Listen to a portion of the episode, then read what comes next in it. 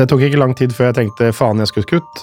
Fordi at jeg visste jo hva den drittsekken hadde gjort før denne situasjonen, og hva han gjorde etter. Og da hadde man jo spart mange mennesker for mye lidelser. Frank har rundt ti års erfaring fra utenlandstjeneste i Forsvaret. Flere ganger har han stått i fare for å bli drept, og for sjøl å måtte drepe. Når det er du som skal bestemme om noen skal leve eller dø, hvordan veit du hva som er rett og galt? Hva skjedde? Nei, jeg ligger på sovevakt. Det betyr at jeg har vakt, men, men jeg sover. Eh, og så går det alarm om clash i CP-en, og, og, det kan jo være hva som helst. Det kan være at de uh, er noen medisinsk situasjon, eller at det er altså full krig i kontrollposten vår. Mm. Så jeg hopper ut, hiver på meg uniformen, tar på meg våpenet mitt, tar på meg støvlene som ikke rekker å knyte, og så løper jeg inn og, og går inn på vogna. Og den står jo da selvfølgelig klar, og jeg går opp på maskingeværet som er på toppen av vogna, og tar ladegrep og sikrer den. Uh, og så kommer de andre på som skal på vogna, og så kjører vi det lille, korte stykket ned til kontrollposten. Uh, kontrollposten er delvis skjult fra posisjonen vår helt vi kommer rundt en sving, og det vi kommer rundt svingen, så ser jeg med en gang, kjenner igjen både kjøretøy og de som er der. Uh, han ene står og veiver med et håndvåpen, en pistol, Eh, og han andre løper rundt eh, med et uh, maskingevær, type Colt, og, og, er veldig, veldig Altså, jeg ser at det er veldig mye aggresjon i situasjonen.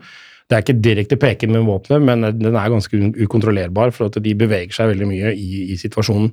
Og jeg ser jo veldig tydelig at spesielt han ene, han med maskingevær, er rusa, eller, eller full kombinasjon av begge. Og, og, at det er altså mm, Jeg legger veldig nøye merke til eh, pekefingeren hans, for den er på avtrekkeren, og den er hvit. Det betyr at han har lagt trykkpunkt på avtrekkeren. Men samtidig så er det igjen, altså det er ikke retta våpen, så, så, så, situasjonen er ustabil, men, men foreløpig ikke livsfarlig. Eh, og så vet vi at i kjøretøyet deres så har de tunge våpen, og han eh, med maskingeværet begynner å bevege seg mot bagasjerommet. Han som uh, gikk bak til bilen, var den største trusselen, da, for da um, kunne han gå, bruke bilen som dekning. Han, som, han andre han sto såpass nære oss med ryggen til, så han var ikke noe trussel der og da. Så da var det nummer to, han med maskingevær, som var den største trusselen, og, og, det var der vurderingen var. Og det er klart at det, da spenner man jo kroppen litt ekstra, og, og det er en vipp av um, sikringsfløyen, så har man et våpen man kan bruke. Så, så han hadde ikke mye muligheter, for å si det sånn. Eh, så flytter han, eh, sjefen hans han flytter seg nærmere vogna vår, og det er da jeg bestemmer meg for å ta kontakt med han. eller så komme i kontakt med han. Så jeg snakker til han, eh, og får etter hvert kontakt, for han er også ganske sinna, får også kontakt med han hvor han faktisk ser på meg. Og, og begynner å prate. Hva er problemet? Hva er problemet? Og, og han er veldig forbanna, men etter hvert så kommer jeg i en dialog med en sånn at han faktisk roer seg ned. Og eh, da roper han til eh, assistenten sin at eh, han også skal roe seg ned, og våpnene senkes. Ja. Og, og, fingrene tas av avtrekkeren, som er det viktigste for meg. Men gjør du ikke deg sjøl og dine veldig sårbare da, ved å legge vekk det våpenet? Jo, men noen må ta en avgjørelse i situasjonen, og, og sånn som jeg vurderte det, å backe ut. Og da var det enklest for meg å gjøre det, fordi jeg hadde utgangspunktet makta med, med det tunge våpenet. Og, og, da valgte jeg å snu det vekk fra situasjonen og ta ut den faktoren. Og, og selvfølgelig gjøre meg selv sårbar i den situasjonen, men uh, jeg, da anså jeg situasjonen for, for, mindre truende enn når jeg hadde kommet inn i den, at, og, og, at jeg heller ville prøve på dialog. Mm. Så var det sånn at du, du kjente ikke Det kjentes ikke som du tok en veldig stor risiko ved å gjøre det, eller var det et element av uh, dette kan koste dyrt, men jeg velger det likevel? Nei, ikke, du har ikke tid til det. Og i og med at jeg kjente disse personene, så, så valgte jeg å, å, bruke den øh, og tiltalte den personen med respekt. Så valgte jeg å bruke den taktikken i situasjonen. Men det var etter en vurdering, selvfølgelig. Du har kort tid, men en vurdering at det ikke var øh, like farlig i situasjonen der og da. Så vi skulle jo deskalere situasjoner. Det var jo monitoring report og beskytte fred. Men samtidig så er det sånn når du har en såpass uoversiktlig våpensituasjon, så er du klar for å bruke våpenet. Så hadde de løfta våpenet 10 cm eller pekt det i en, en, retning av våre, så hadde det ikke vært noe tvil. Da, da var vi både tillatelse til å skyte og ville måtte, måtte, ha brukt våpen for å beskytte våre egne. Det skal mye til for å, å, å skyte på noen andre. Mm. Og i den situasjonen så hadde det ikke vært en mulighet til å skyte varselskudd. Og i det øyeblikket du har folk som har trukket våpen og du skyter et varselskudd, så har du tatt det første skuddet, og det er veldig sannsynlig at de skyter tilbake. Så det betyr at her hadde det rett og slett vært å, å rette ild. Uh, og da med et maskingevær så sier det seg sjøl at uh, det, det, gjør stor skade. Mm. Uh, og da må man ta ut folk så de ikke kan bruke våpnene sine. Mm. Når er det det er riktig å drepe? Ja, mandatet vårt sier da for å beskytte seg selv eller eh, egne og sivile som man er satt til. Det er klart at i de situasjonene, hvis du skal gå rett ut fra RO1, så Men altså, ja, i den situasjonen så vil man jo være en krigssituasjon, og da betyr det at eh, Jeg vil si at da hadde jeg rett til å skyte hvis våpenet hadde blitt retta mot våre. Hadde jeg ikke skutt da, så hadde det vært vi som hadde blitt skutt, så Det er egentlig enkelt i store gåsetegn. Hva vil det si å være en god soldat i en sånn situasjon?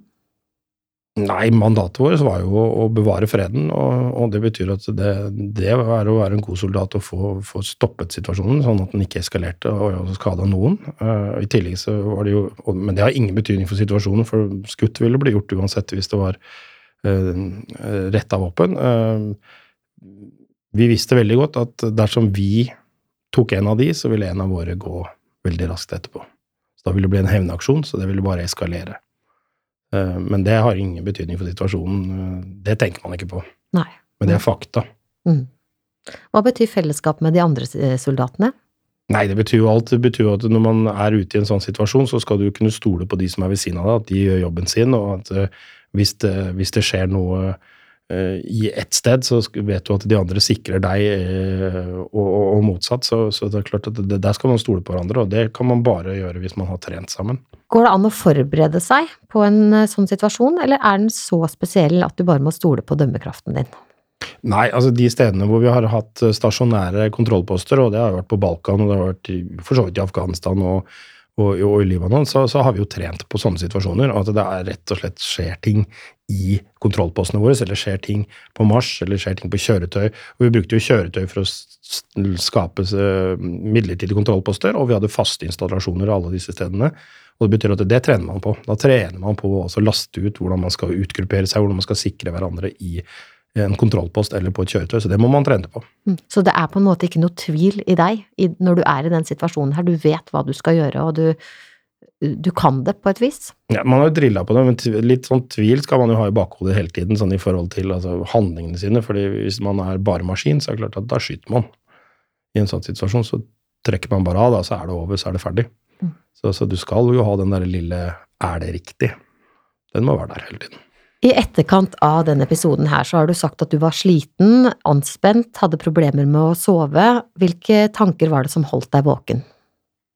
Nei, altså, det adrenalinet man får når man kommer i en sånn situasjon, det sitter i mange dager. Så det er ikke noe å lure på om, om det var det som, som, gjorde det. Men så er det klart at det, så begynner man jo å tenke på situasjonen. Kunne jeg gjort ting annerledes? Var det noe jeg ville gjort annerledes hvis det hadde skjedd igjen? Og i og med at dette var kjente drittsekker i området vårt, så, så, så begynte det jo å komme en del tanker på det.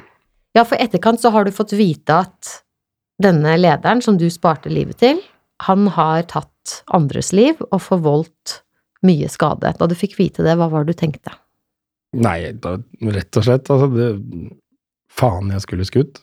Fordi uh, vi fikk jo høre en del rapporter, og det var jo ikke noe, noe, noe ukjent, det, fordi de var jo kjent for å, å, å, å drive med brudd på menneskerettigheter og andre ting i området. Ehm, så jeg tenkte rett og slett at jeg burde ha trukket av. Og så fikk jeg dårlig samvittighet for det. Mm. Hva ville vært konsekvensene da, hvis du hadde skutt?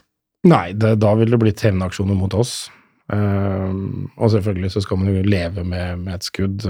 Hadde jeg skutt i situasjonen sånn som det var, så tror jeg ikke jeg kunne uh, Jeg hadde ikke kunnet uh, føle meg god med det, for det var altså i utgangspunktet ikke direkte grunn for å skyte.